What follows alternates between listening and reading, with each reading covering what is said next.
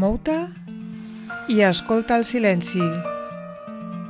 El podcast en català d'educació i benestar amb Pilar Soro. soro.cat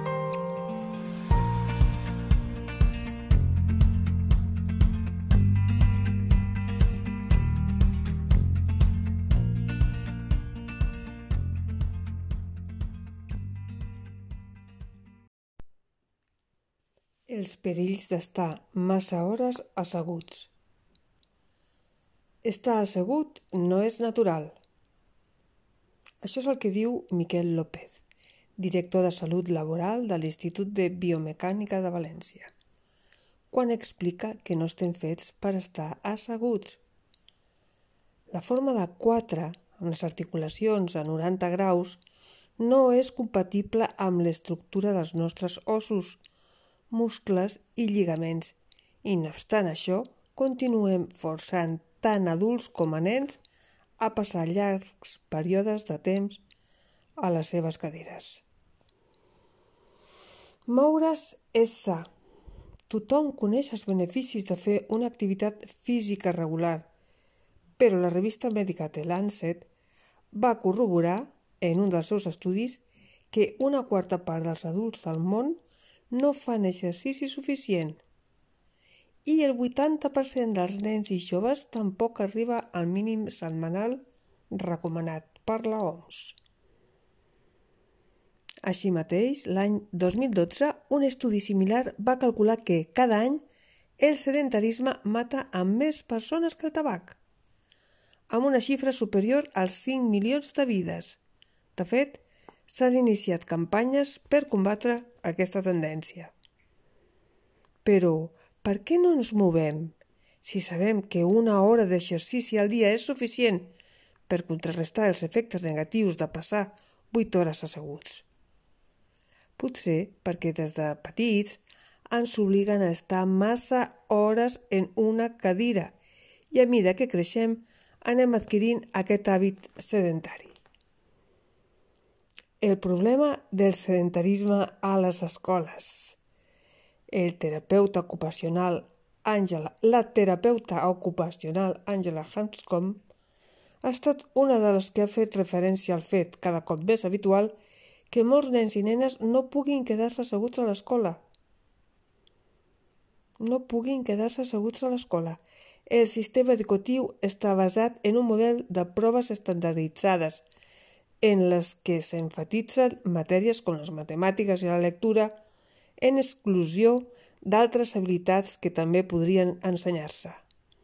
Alhora, l'aprenentatge d'aquestes disciplines s'exerceix obligant els nens i nenes a seure a les seves cadires durant hores, sovint sense moments regulars d'esbarjo. El resultat, com Hanscom ha escrit, és que molts nens i nenes se senten inquiets, agitats i perden la concentració, pel que de seguida se'ls diagnostica d'algun trastorn fins i tot quan no el tenen. La importància de moure's dins l'aula. La solució, en, en canvi, és ben senzilla. Cada cop som més conscients que si volem que un nen o nena aprengui, hem de deixar que aquest es mogui. Els nens necessiten moure's molt més que el que pensem, del que pensem.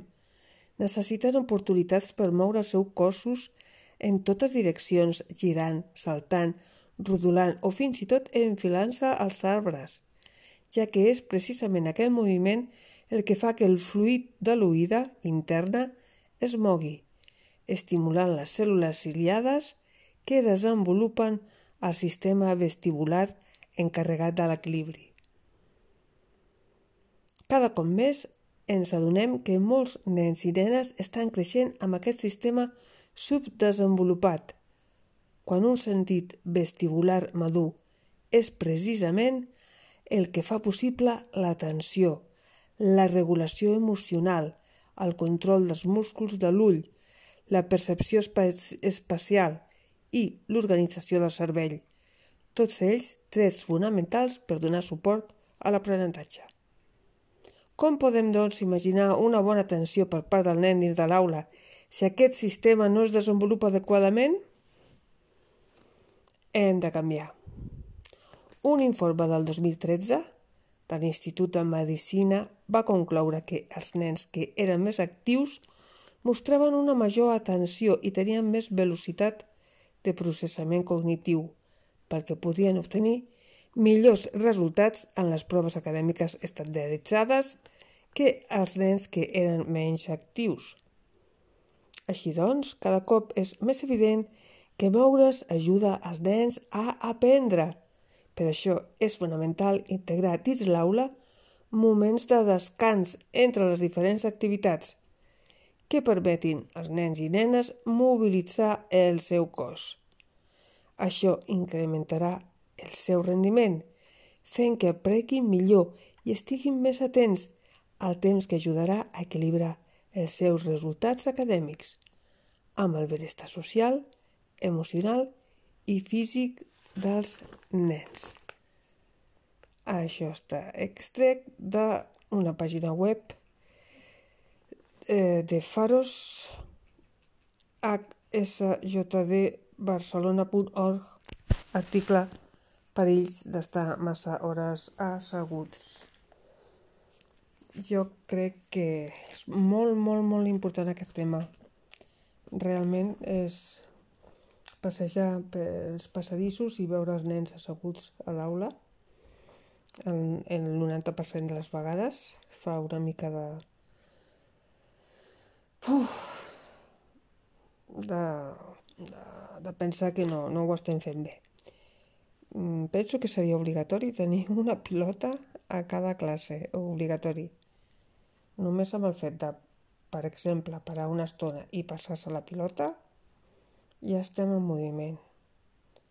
I bé, es poden fer molts jocs. Estic llegint un llibre molt interessant que es diu algo així com Cuando el cuerpo entra en el aula, que fa unes propostes molt interessants. Parlarem d'aquest llibre. I també és molt interessant la metodologia Bing Energy amb uns moviments especialitzats que fan que, que moguis tot el cos i que actuï també en, en els òrgans interns, activi la circulació, eh, fem estiraments de la fàcia, i teixit col·lectiu, es treballa la coordinació... És un, un programa molt intens, que fàcil de fer, divertit, es pot fer música, i la veritat és que la meva experiència és que als nens els hi agrada, s'ho passen bé i serveix per estar atents, concentrats, per aprendre. Moltes gràcies per la teva atenció. Fins al pròxim podcast.